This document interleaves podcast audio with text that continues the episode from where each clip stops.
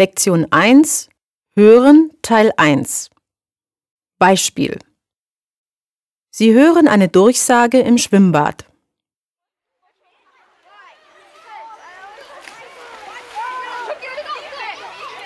Liebe Schwimmbadbesucher, wir möchten Sie nochmals darauf hinweisen, dass das Essen und Trinken nur in der Snackbar, aber nicht im Umkleideraum und in der Schwimmhalle erlaubt ist.